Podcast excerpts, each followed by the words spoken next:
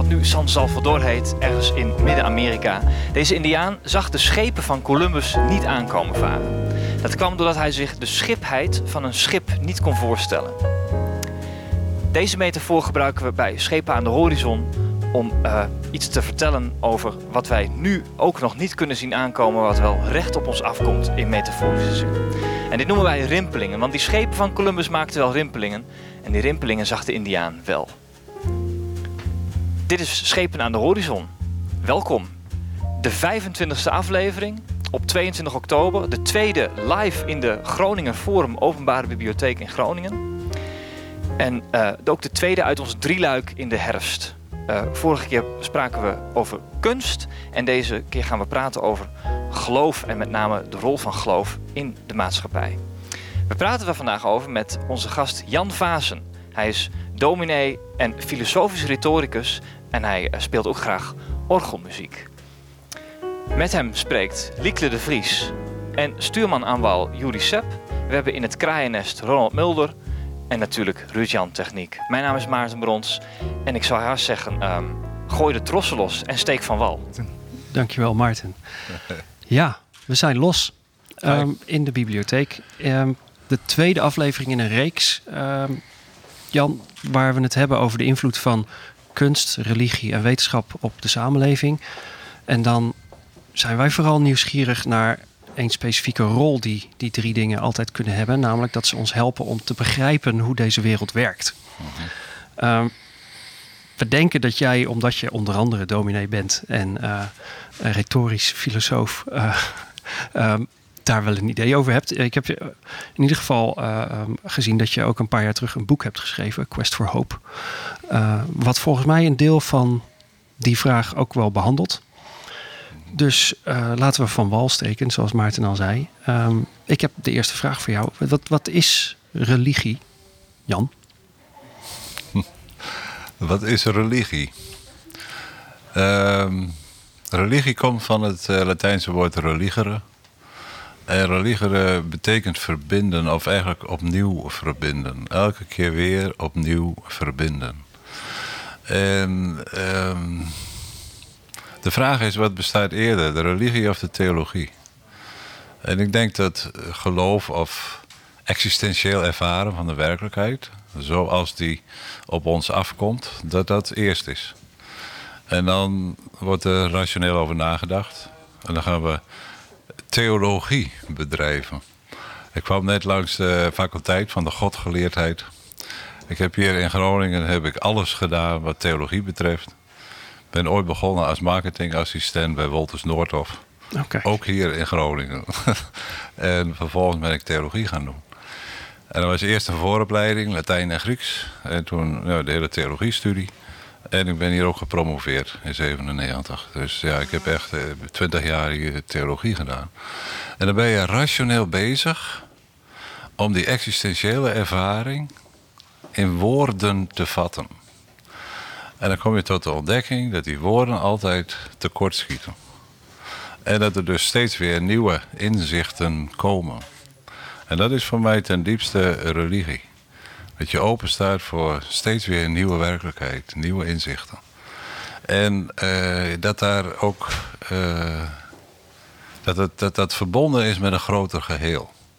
En voor mij is dat ook verbonden met een. Ja, Sommigen noemen het de oerkracht of de positieve bron van, van, of de bron van positieve energie. Of God. Het maakt me niet zoveel uit hoe je het noemt. Maar uh, ja, daar is wel zoiets als een adres waar ik terecht kan, zeg maar. En, en dat is dan voor mij uh, een, een, een zinvolle beleving van religie, laten we het zo maar zeggen. Oké, en ja. wat maakt iemand dan een religieus mens? Um, laat ik voor mij persoonlijk spreken. Een, een, een religieus mens is voor mij iemand, tenminste zo wil ik zelf in het leven staan, met oervertrouwen. Oervertrouwen? Oervertrouwen is een soort van basis, een soort van grond onder je voeten. Hoe onzeker het ook allemaal maar is. Maar dat je het gevoel hebt van, oké, maar daar blijf ik door gedragen. Wat er ook maar gebeurt. En dan kan alles om je heen instorten, of eh, alle dogma's kunnen overboord gezet worden, al je zekerheden kunnen verdwijnen, maar het oervertrouwen verdwijnt niet. Ofwel, je, wordt, je gaat op, je bent in dienst van uh, een groter geheel. Ja, is het, is het dienstbaarheid? Het is ook dienstbaarheid. Het is ook, ook, dienstbaarheid. ook dienstbaarheid. Niet alleen, maar ook. Ja. ja. En je weet je verbonden met dat grotere geheel. Oké. Als je nou zo zegt dat religie gaat over verbinden en dat een mhm. religieus mens iemand is die in verbinding leeft, in de wetenschap dat er altijd nog eens iets, iets is wat hem of haar steunt, mhm. Ehm, dan krijg ik een heel ander perspectief op wat ik nu aan de religieuze beleving in onze wereld om ons heen zie. Ja. Daar wordt behoorlijk zwart-wit gecommuniceerd. Uh, ja. Uh, Dus dat is wat jou betreft dan niet dezelfde opvatting van religie. Nee, dat is een hele andere opvatting van religie. Kijk, theologie probeert altijd te beschrijven wat niet te beschrijven valt. En eigenlijk gebeurt dat in alle religies. Gebeurt in het christendom, in, in, het jodendom, in de islam, maar ook in het hindoeïsme, boeddhisme. Het zijn altijd uh, ja, tastende beschrijvingen in woorden van iets wat we niet zeker weten, wat we niet kunnen controleren, wat ons, ons hele wezen ja, ver te boven gaat. Dus het is altijd een soort van ja, tasten, uitproberen, onderzoeken. Op het moment dat wat jij gevonden hebt, dat je dat absoluut gaat stellen. Uh, Oké, uh, daar kun je dan nog mee leven. Maar als je dan in contact komt met een andere groepering die andere grondzekerheden heeft. En die dat absoluut gaat stellen. Ja, dan, dan worden je eigen zekerheden te vuur en te zwaard verdedigd. En dan komen alle godsdienstoorlogen. En wat je dus dan eigenlijk doet, is je hele werkelijkheid beperken tot een beperkte visie van jouw eigen religie, theologie, geloof of hoe je het ook maar wilt noemen. En zo verklaar ik alle godsdienstoorlogen. Ja, maar dat, is wel een wonderlijke beweging. Dat iets wat ons oorspronkelijk helpt om te begrijpen hoe het werkt. Dat ons helpt om vertrouwen te hebben in onzekere tijden. Mhm. Eigenlijk dus ook onzekere tijden veroorzaakt. Doordat ja. Dit soort conflicten eruit voortkomt. Dat is ook logisch. Hoe verklaar je dat? Nou, omdat onze blik beperkt is. Oké. En de, de, blik is beperkt tot onze huidige dimensies. Maar in de hele kosmos, in de hele heelal, universum enzovoort, zijn veel meer dimensies. En wat er nu gebeurt, al die, al die conflicten en al die, die, die botsingen, zeg maar, hè, tussen religies, tussen mensen. Uh, ja, het is heel akelig en naar. Zeker als je ziet wat voor een ellende er allemaal uit voort, voortvolgt, voortvloeit. Maar aan de andere kant dwingt het ons ook om buiten onze eigen dimensies te gaan kijken. Zodat de werkelijkheid zoals die uh, zich ook kan manifesteren, nu ook echt aan ons gaat manifesteren. Ja, en dat veroorzaakt nog veel meer onzekerheid en onveiligheid. Zodat je nog weer meer op je eigen zekerheden gaat staan en die nog weer harder gaat verdedigen. En ja.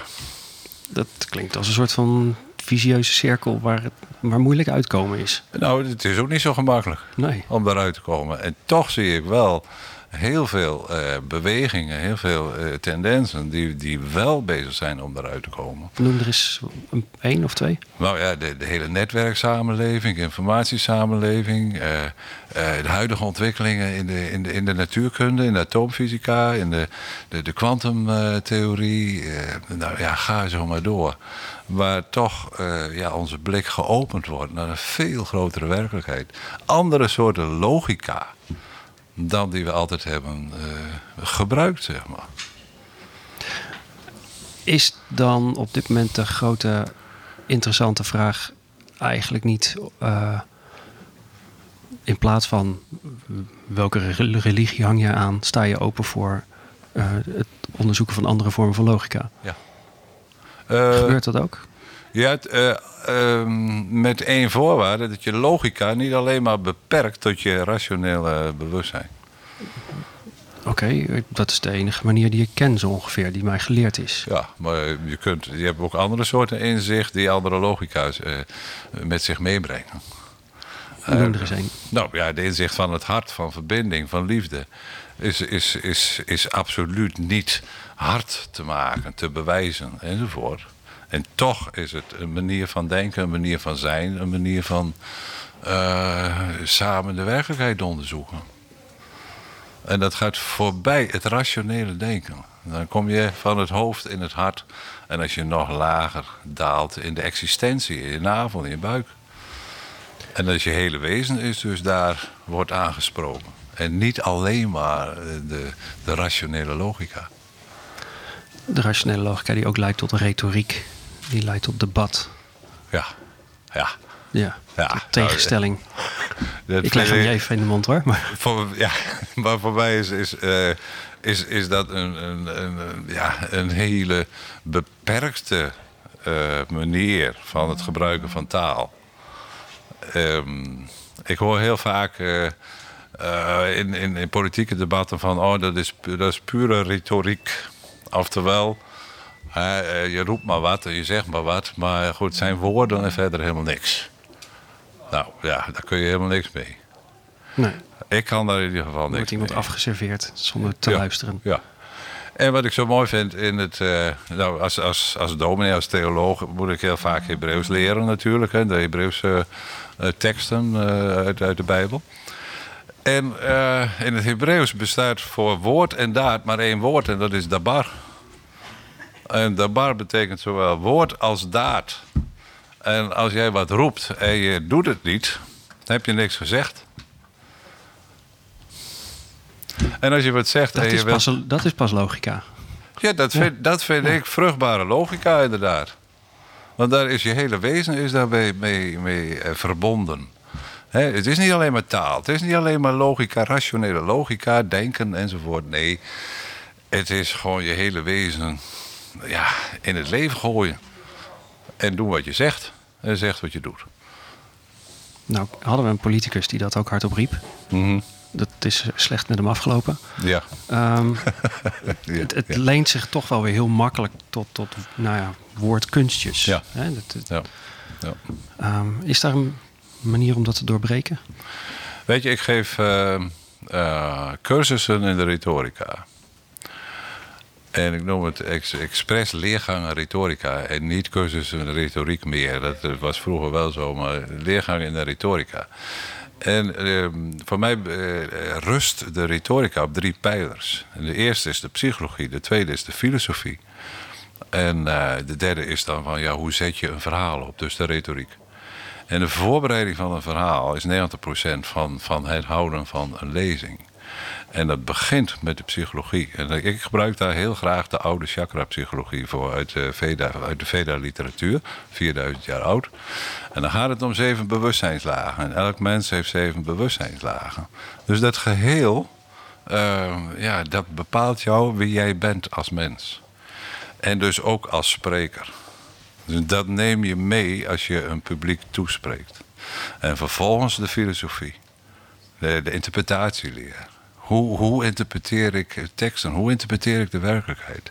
En ik heb daar verschillende modellen voor. Ik heb daar verschillende manieren voor. Ik heb daar een vrijheid in. En je daar helemaal van bewust zijn...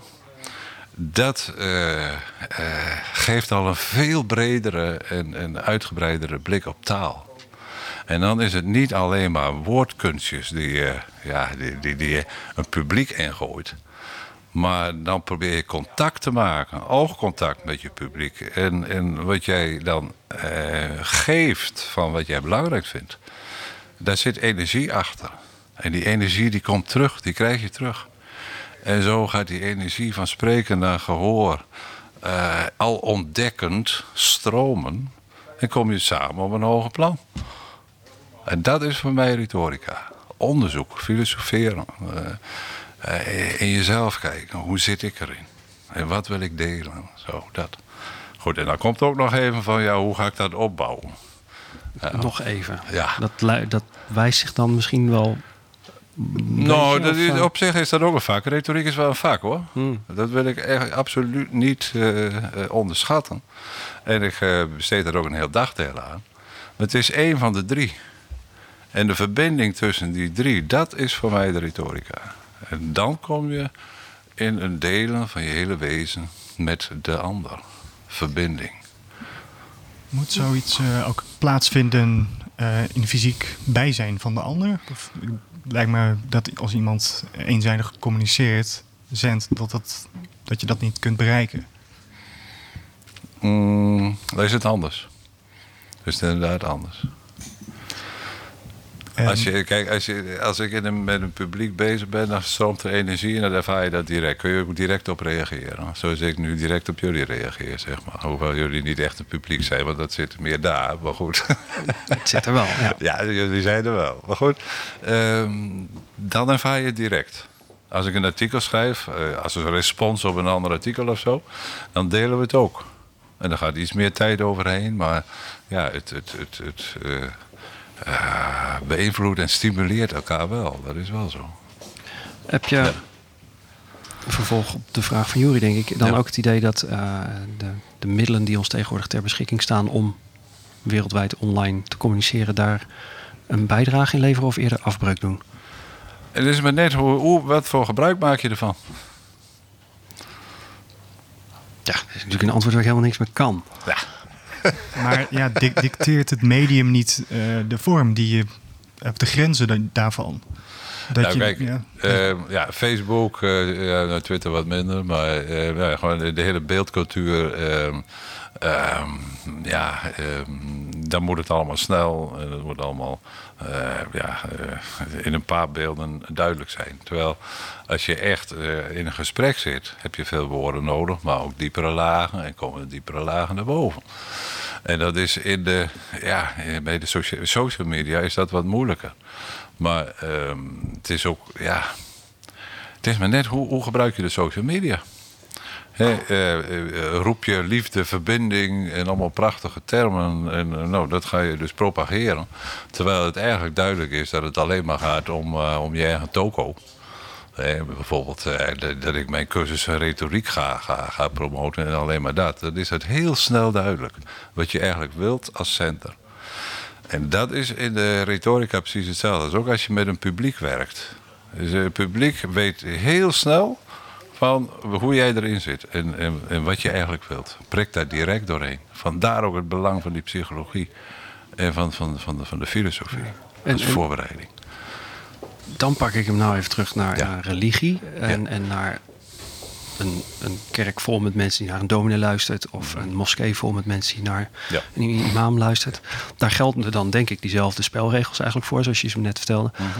Maar het resultaat lijkt wel anders. Daar, uh, als daar iemand op de kansel staat die het een zegt, maar andere intenties heeft, dan moet een kerk vol mensen dat toch ook voelen. Die moeten dan toch in de war raken, eigenlijk? Dat doen ze ook. Dat doen ze ook. Ja, op grote schaal. Dan? Op grote schaal wordt, uh, is, is het kerkvolk in de war. Van ja, wat moeten we nog, dominee? Ja. ja. Um, en dan is het maar net van, van ja, in hoeverre sta jij achter je verhaal? Ik, ik, om de 14 dagen maak ik een, uh, sowieso een nieuwe preek, een nieuwe kerkdienst, maar dan ook altijd een preek, zeg maar. En dat is pure retorica. En elke keer weer ontdek ik van allerlei prachtige dingen. En dat heeft ook weer met interpretatie te maken. Hè, van welk model gooi je er tegenaan en zo. Maar ik wil graag anders uit die studie komen van de bronteksten dan dat ik erin gegaan ben. Dus verrijkt worden. Nou, en dat wil ik graag delen. En als je dat deelt met het publiek, dan voelen ze dat je werkelijk echt iets deelt. En, en ze voelen je intenties. Ja, en dat, dat, dat krijg je mee, wat, wat er dan in zo'n kerkdienst gebeurt. Je voelt het aan de energie. Je voelt het aan de manier waarop er gezongen wordt. En je voelt het met name in het stille gebed. Maar dat zijn de diepere lagen waar u het over heeft. Ja, de diepere lagen die dan een rol gaan spelen. En eh, als mensen met elkaar stil kunnen zijn, dan accepteren ze elkaar. Want zo'n stilte kan heel confronterend zijn. Maar is die vredig, dan kun je hem laten duren. Zit je haast in een soort meditatieve sfeer. Ja, en dat doet iets. Ja. Dat doet echt iets. Ik vind elke keer weer een groot wonder als het gebeurt. En ik, oh man, ik ga er helemaal in op. En ik ga er helemaal in mee. Spannend. dit is een fantastisch moment, denk ik, om ehm, een, een, lied aan te kondigen uit jouw eigen collectie, Jan. Ja. Uh, we gaan luisteren naar Maria Mazarakis. Ja. Um, ik stel voor dat we straks na afloop even kort over het nummer uh, praten. Mm -hmm. uh, dit is de titel Leef je droom snel. Als ik nu eens jouw spiegel was? Zie jij dan wie jij bent? Wat is jouw droom in vol ornaat? En leef jij die droom ook echt? Dat is Maria Mazarakis. Leef je droom snel. De keuze van onze gast Jan Vazen. Jan, kun jij iets vertellen? Wie is Maria Mazarakis? Wat heb je met haar? Maria is een hele goede vriendin van mij al jaren. Uh, ik vertel over mijn leergang retorica. En uh, ik, ik, deel daarvan geef ik hier in het noorden, in Gasselte, waar ik woon. Een ander deel in, uh, in Arnhem, in het Inspiratiehuis in Arnhem. En Maria heeft dus het Inspiratiehuis. En daar doet ze allemaal fantastische dingen met kunst, lezingen, leergangen, en, spirituele bijeenkomsten. ook wel, ja, alles wat mensen verbindt, dat, dat doet ze in het Inspiratiehuis. Ik kan me voorstellen dat we een link naar haar activiteiten in de blogpost plaatsen. Nou, dat is helemaal leuk. Want bloggen doen we. Ja, uh, ja. Want dit is wel, weliswaar de 25e aflevering van Scheep aan de Horizon. Mhm. Dan vraagt iedereen zich hier natuurlijk af... waar zaten jullie dan al die tijd daarvoor? Nou, meestal in de radiostudio van Oog. Een van onze partners. Daar hebben wij uh, lange tijd gezeten. En dit is de eerste, of de tweede eigenlijk... van een, uh, een nieuwe live-serie in de Groningen Forum Openbare Biep. Met Scheep aan de Horizon. Mijn naam is Maarten Brons. Ik ben uw gastheer. We praten vanavond met Jan Vazen. En um, ja, volgens mij gaan we uh, naar het tegenwicht tegen postmodern nihilisme. Liekle, Juri, steek van wal. Ja, nou, dat is wel meteen een hele stap. Bovendien een heleboel lettergrepen. Um, ja. Je vertelde over hoe religie in de oorspronkelijke betekenis over verbinding gaat. We hadden het ook even over ja, hoe makkelijk ook iets wel absoluut te maken valt. En nou, zodra iets absoluut wordt en geconfronteerd wordt met een andere absolutisme, dan, ja. uh, dan is de heibel in de tent. Ja. Maar we hebben ook gezien de afgelopen decennia dat men de kerk verlaat. Dat uh, wat we aan sociale samenhang zochten, mm -hmm. steeds vaker niet meer in de vorm van onze uh, zuilen lag, maar in, nou, bij wijze van spreken, het kopen van de juiste merkkleding. Mm -hmm onze nieuwe God lijkt de God van het consumentisme misschien wel te zijn. Uh, en dan kun je je afvragen, waar, waar, is, waar is de ethiek daarvan en hoe zit het met de macht die dan over ons wordt uitgeoefend door bedrijven in plaats van geloofsgemeenschappen? Mm-hmm. Hoe zit het eigenlijk met ethiek en religie op dit moment?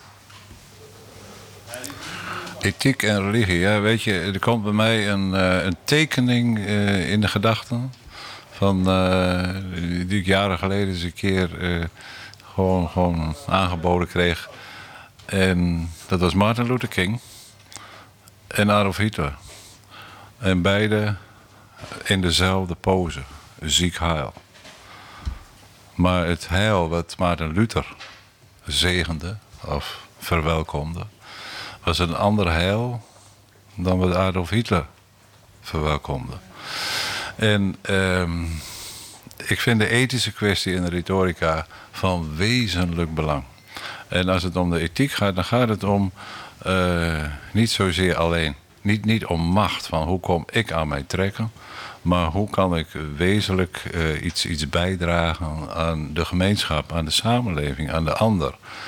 Uh, wat in het Oude Testament dan heet de weduwe, de wees, de vreemdeling. Dus de rechteloze. Dat die recht gedaan wordt. En dat die ook er zijn mag. En dat, dat, is, dat is, vind ik, de echte ethiek. En uh, kijk, Immanuel Kant heeft ethiek omschreven. De gulden regel van Immanuel Kant is... Uh, wat gij niet wilt dat u geschiet, doe dat ook een ander niet. En eigenlijk zeg je dan helemaal niks. Want dat is een... Het, het, het is in de negatieve uh, termen geformuleerd. Terwijl het in de Bijbel veel meer is van... Nou, hoe jij behandeld wilt worden... Ga nou ook die ander zo behandelen. Met name de vreemdeling. Met name de weduwe, de wees, de rechteloze. Want je bent zelf rechteloos slaaf geweest in Egypte. Je weet wat het is. Dus behandel die ander dan ook zoals jij graag behandeld wilt worden. En dat is voor mij de echte ethica. Dat zien we dan uh, grandioos mislukken op dit moment in dit, dat is dit ook land. Zo. Ja. Dat is ook waar. En is dat dan omdat de mensen in dit land. Laat ik het even zo klein maken hoor. Ja. um, uh, uh, misschien ook gewoon niet meer die eigen herinnering hebben aan een moment waarop ze zelf geen rechten hadden. Dat we hier te luxe leven, het te makkelijk hebben. Uh, of maak ik nu een te korte bocht? Dat zou, zou kunnen, maar ik, ik, ik heb zelf nog een andere verklaring in die zin van uh, dat het westerse denken. Uh, je kunt het postmodern nihilisme noemen, maar dat het westerse denken op de tocht staat. Omdat het westerse denken echt is gebaseerd op het Griekse denken.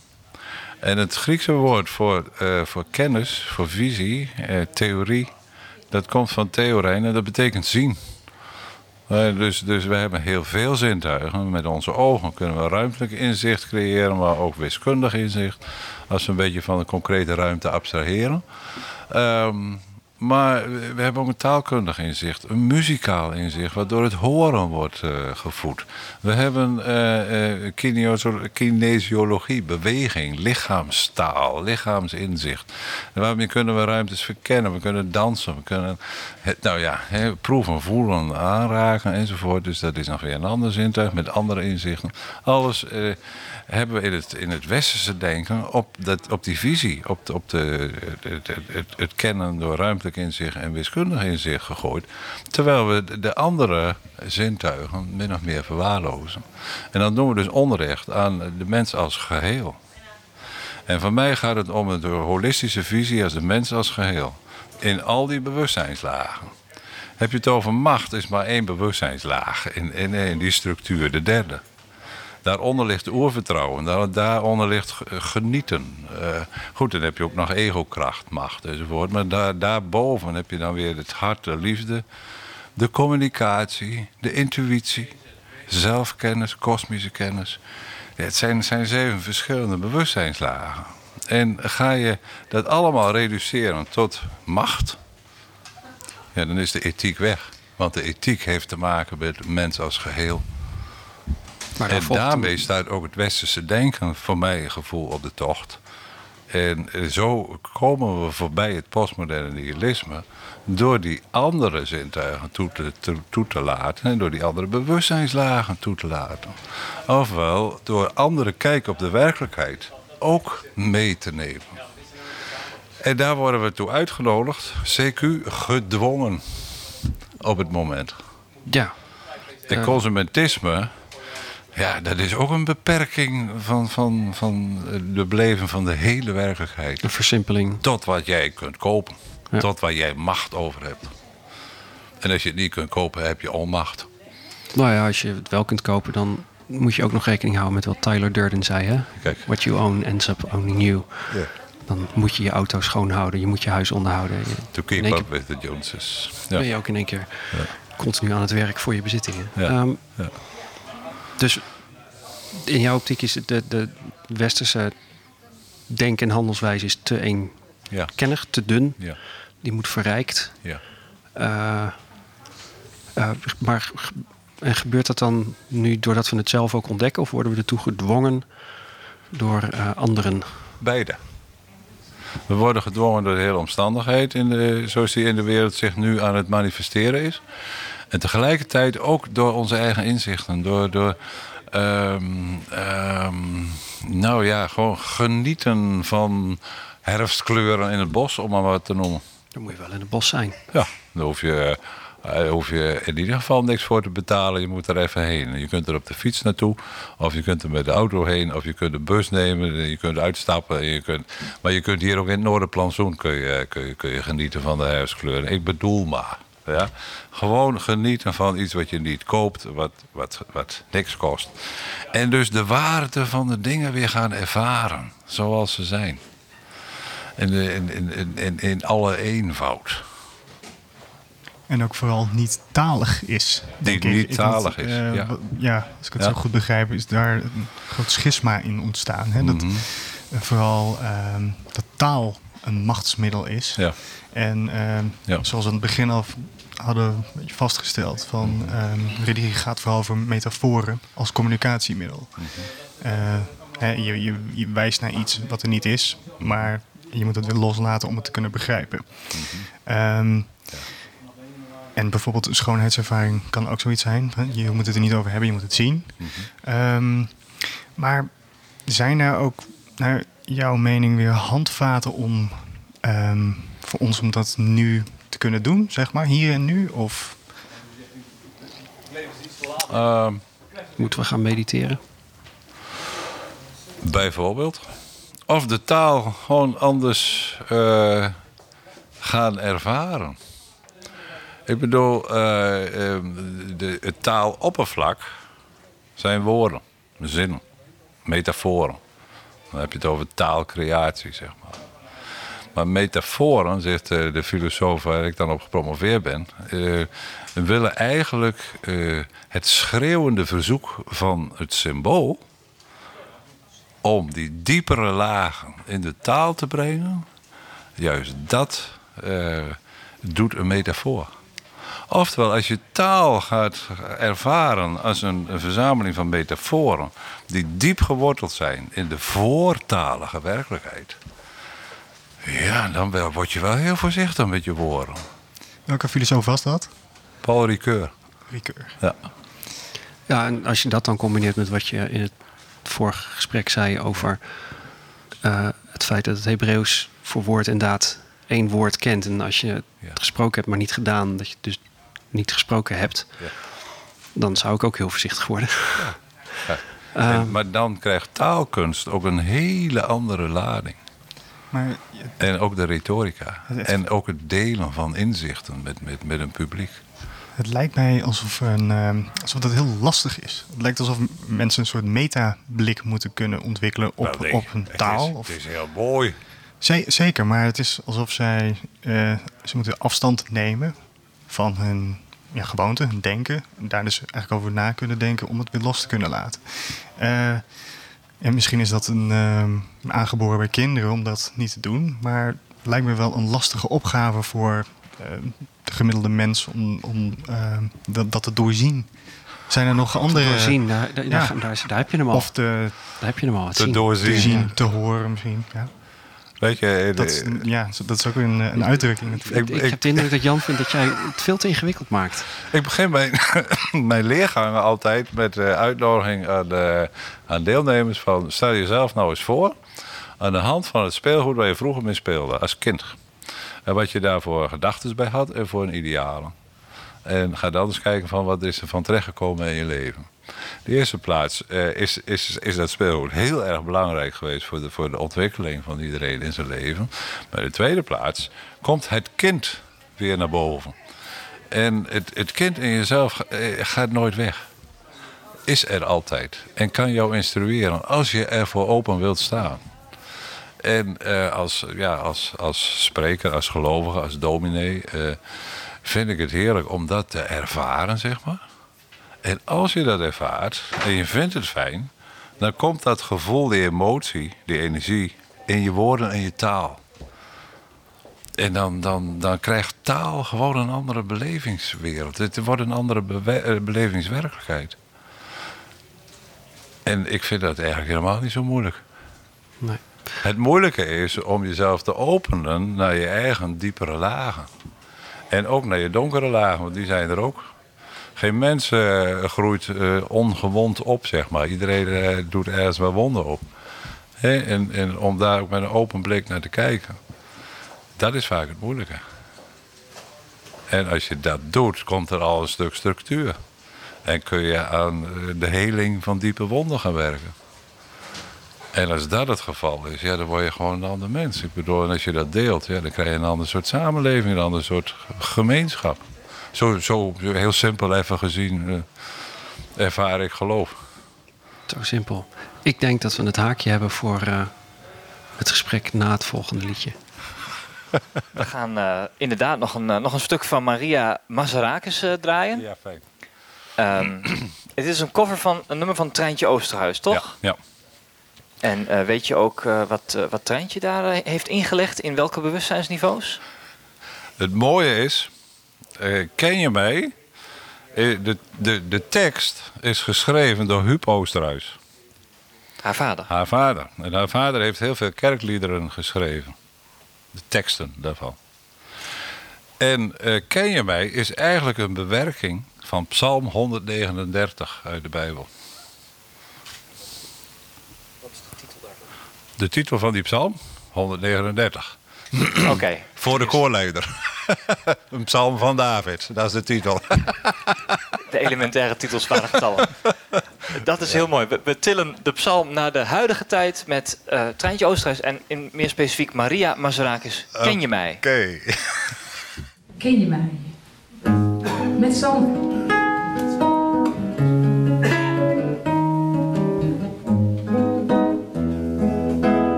Maria Mazarakis. Um, een bewerking van Psalm 139 door de vader van Treintje Oosterhuis. De titel nu Ken je mij? Uit de kast van onze gast Jan Vaassen. Want dit is nog steeds schepen aan de horizon. Um, Post-industriële uh, duiding van uh, ontwikkelingen die op ons afkomen, waar, die we niet altijd even goed zien aankomen. Um, we praten vanavond met Jan Vaassen over uh, ja, de rol van uh, geloof in de maatschappij. En ik geef graag het woord aan Lieke de Vries en Juri Sepp uh, voor het derde gedeelte over hoop voor de toekomst. Steek van wal. Dankjewel. In het vorige blokje hebben we uitgebreid stilgestaan bij ethiek.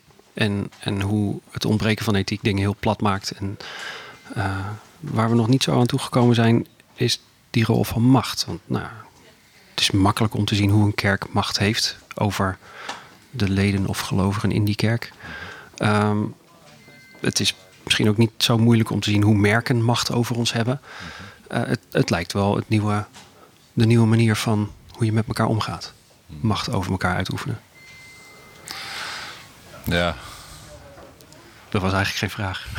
Nee. Sorry. Nee, daar word ik dus heel verdrietig van als dat uh, het toekomstbeeld is.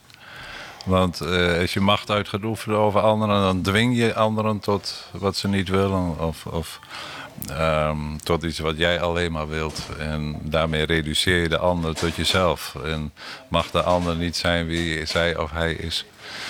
Uh, dus zo macht uitoefenen vind ik sowieso al beperkt in het, in het bewustzijnsstructuur zeg maar, van de mens. Uh, er zijn ook hele andere bewustzijnslagen die belangrijk zijn.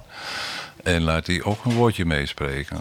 Uh, en vervolgens, um, ja, vind ik in plaats van macht uit te oefenen over de ander. Um, zo jij denkt dat de wereld zich moet ontwikkelen probeer eens in jezelf te kijken. Gaat het bij jezelf allemaal zo goed? Is, uh, is, is, is, is, is dat allemaal positief? En, ga, ga eens de weg naar binnen en kijk eens um, waar het misschien fout is gegaan. Ja, want je zei voor, voor de break al: niemand uh, wordt ongewonden volwassen. Iedereen heeft wel ja. iets wat hem beschadigd heeft. Ja, ja dat, dat, dat geldt voor iedereen. Um, en ja, dat, dat is nou een keer de situatie van het leven in dit ondermaanse. We hebben eh, te maken met goed en kwaad. En, uh, we, we, genieten van het goede en we worden gewond door het kwade. En dat is voor iedereen verschillend. En dus is voor iedereen ook de weg naar binnen anders. Um, en als je die weg gaat, eh, je gaat daar iets van in woorden uh, brengen, dan komt er al wat meer structuur. Dat is ook eigenlijk hoe de psychoanalyse werkt. Zo van, als je die structuur in woorden gewoon krijgt, wordt die al beter hanteerbaar. Maar vervolgens uh, is het nog veel belangrijker van je kennis, je rationele kennis van die wonden, ook echt daar naartoe te gaan en die energie te helen. En dat kan ook als je die, de donkere kant in jezelf met liefde omarmt dan wordt er wat geheeld. Je zegt omarmen, je niet, niet uitbannen. Nee, nee, omarmen. Nee. Uitbannen is weer een kwestie van vechten en macht. Maar omarmen is met liefde verbinden. En uh, je wonden met zachtheid uh, omgeven en verbinden. En dan helen ze. Wat heeft een mens nodig om dat te durven en te kunnen? Oervertrouwen. Oervertrouwen dat die wonden ook echt kunnen helen. En dat oervertrouwen, ja, dat, dat, dat wordt je aangereikt, dat wordt je gegeven. Dat kan ik niet organiseren en dat kan ik ook niet produceren. Maar dat wordt mij aangereikt vanuit de ja, energie van de aarde, de hemel, God, hoe je het ook maar wilt noemen. En eh, ja, dat is bijzonder. Daar ben je leven lang mee bezig. En uh, ja, elke fase is weer nieuw.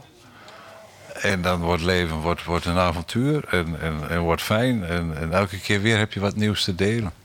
Heb je nieuwe energie te delen. En, en ja, dan, dan komt de echte samenleving al in, in beweging, zeg maar. Maar in een positieve beweging. Niet door de ander uit te sluiten, maar juist aan te spreken, in te sluiten, uh, uh, op te nemen. Uh, ja. Ja, Daar ligt bij de hoop. Het klinkt niet alleen heel mooi, ik kan me dit ook voorstellen. Dus, dus ja. dit, dit, je, je, brengt het heel beeldend. Uh, is dat dan een, uh, een doorontwikkeling van bestaande religies zoals we die kennen? Is het iets heel anders? Moet het een naam hebben, zodat we allemaal weten dat we het goede ding doen of zo? Of... Uh... Jezus zei een keer: aan de boom kent men de vruchten. Nee, nee aan de vruchten kent men de boom. Net andersom. en kijk eerst maar eens naar de vruchten. In plaats van daar een etiket op te plakken. Zo van: nou jongens, als, als het dat etiket heeft, dan is het goed. Hoe vaak ik niet in reclames uh, termen als verbinding of vertrouwen of uh, trouw aan elkaar of samen. Of, nou ja, samen zijn we sterk en weet ik veel allemaal wat. Dat ik daar hoor. En dat ik dan grote vraagtekens stel bij wat wordt hier nou eigenlijk bedoeld met samen? Wat wordt hier nou eigenlijk bedoeld met verbinding, met trouw, met vertrouwen? Ja, kun, kun, je, kun je daar de ander echt recht doen? Of gaat het toch nog om mijn eigen financiële gewin? Dus uh, kijk eerst maar eens naar de vruchten. Kijk eerst maar naar ja. zelfvertrouwen, naar verbondenheid, naar ja. iets voor een ander doen. Ja, ja. Als we daar nou eens mee beginnen. En dan samen gewoon een, een ja, nou ja, al, al, is het op hele kleine schaal. Gewoon een, een, iets, iets beter leven met elkaar te creëren. Met elkaar, voor elkaar te scheppen. Ja, nou, dan gebeurt er in ieder geval iets. Toch? Ja, dat denk ik. Dat denk ik ook wel. Sterker nog, ik denk dat er dan ontzaglijk veel kan gebeuren. Dat denk ik ook, als het op grote schaal gebeurt. Zo. En, maar ja, goed. Uh, Zie je dat gebeuren? Het grote gevaar is dat je dat dan weer wereldwijd wilt gaan coördineren en in de hand houden. Dat ja, dan ga je de fout in. Want dat is weer macht. Ja. ja. Dus uiteindelijk is, de, is wat ons te doen staat, is loslaten en, en vooral onszelf proberen te helen. Ja, en dat dan delen met wie, wie, met wie je maar tegenkomt. Dus het is geen ego-ding. Het is wel, uh, die heling ook staat weer ten dienste van de ander. Ten dienste van het samen, zeg maar. Het is geen ego-ding. Het gaat niet alleen maar om mezelf. En om mijn eigen genot, heil of weet ik veel wat. Het gaat om samen. Eenheid, dat. En wat nou als iemand niet wil? Ja, nou, dat is zijn of haar goed recht. ja. Gewoon Prima. respecteren. Huh? Precies. Ja, ja, kijk, ik kan niet delen met iemand die dat niet wil delen, maar dat hoeft ook helemaal niet. En, en ja, dat gaat dan zijn weg. Toch? Ja, ik, ik, moet heel eerlijk zeggen dat ik, als ik, als ik me dat dan voorstel, dan, dan word ik weer een beetje angstig. Dan denk ik, het is zo makkelijk om hard te zijn en absoluut te zijn en niet, niet uh, te willen delen. Uh, dan uh, blijven de mensen die dat wel willen, die zijn snel in de minderheid. Zo voelt het wel een beetje op dit moment. Of uh, zie, je, andere bewegingen? Uh, ja, die beweging zie ik ook en die is heel sterk. Het, gebeurt ook. Het, gevecht is gaande. Um, maar als je vraagt van wat doe je dan met mensen die niet willen? Ja, ik bedoel, als, als, als ik vanuit deze energie leef, zeg maar, hè, dan, dan, dan straal ik een soort energie uit. Uh, die ook weer mensen aantrekt die daar iets mee willen en die daar iets mee kunnen. En die andere zal ik ook niet aantrekken.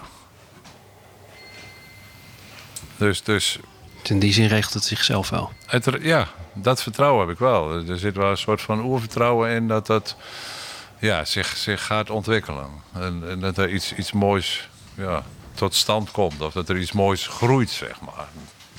In de komende decennia. Maar goed, daar moet je wel het een en ander eh, voor doen. Dat denk ik wel, ja. Nou. Wat, eh, wat raad jij een, een, een luisteraar aan? Als hij nou denkt, dit was een mooi uur, ik, ik wil dat doen. Mhm. Wat eh, kan die vanavond, morgen, ik weet niet op welke mensen dit luisteren, straks Ja. doen? Ehm, gewoon eens even lekker rustig ergens gaan zitten. Je zitknobbels voelen. En je, je voet op de grond en dus diep ademen. Heel diep ademen. En dan naar je, naar je adem gaan luisteren.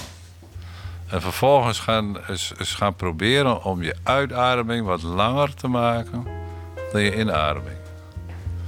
En er komt op een gegeven moment een regelmaat en er komt op een gegeven moment een soort van rust in je hele wezen. Die je verbindt met de kern van de aarde die je draagt.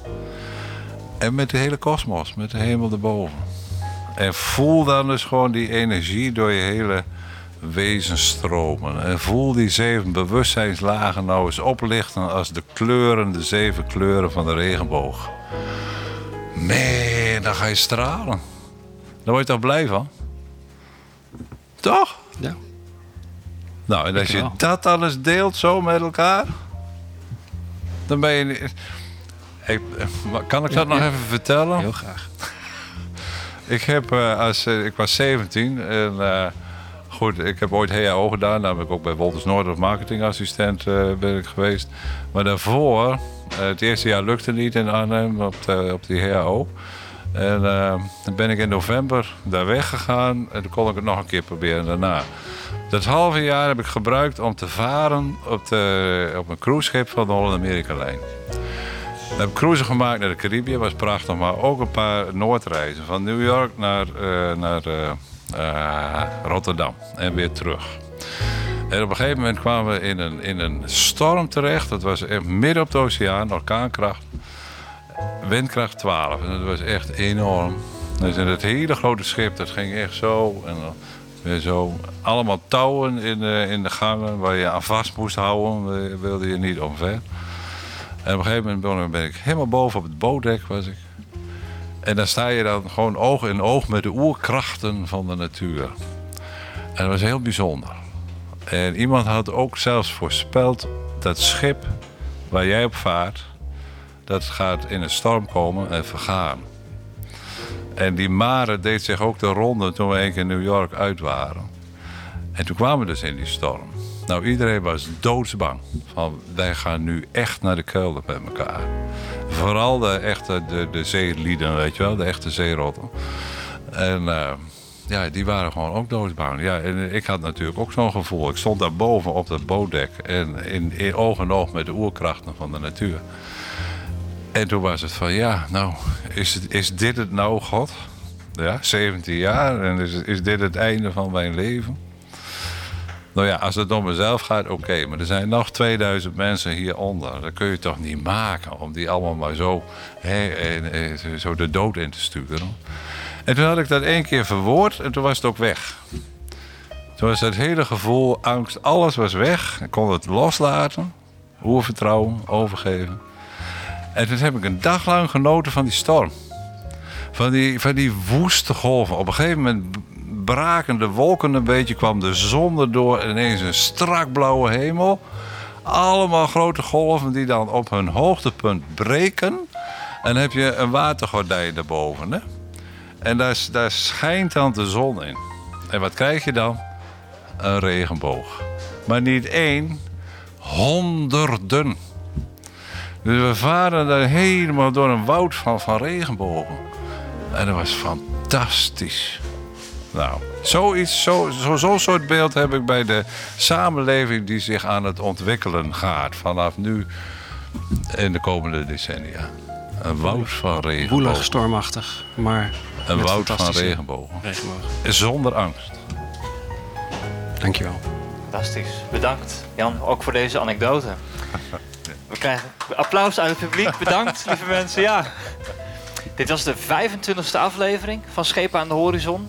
Uh, bedankt. Uh, bedankt ook Jan voor de komst naar de, naar de openbare biep. Bedankt ook voor onze partners, Warpnet, Oog Groningen Forum Openbare Biep. Uh, de volgende is hier weer op 26 november in de openbare biep. En dan gaan we over wetenschap praten. Um, wij waren Juri Sepp, Liekle de Vries, Marielle Gebben, Ronald Mulder, Ruud-Jan de Mulder. Mijn naam is Maarten Brons. Jan Vazen, nogmaals dank voor je komst. En ik denk dat wij eerst wat gaan opruimen en dan nog een pint gaan vatten in de Wolthoorn. Dus uh, misschien tot zo en tot daar. Een pint. Voor nu bedankt en tot de volgende keer.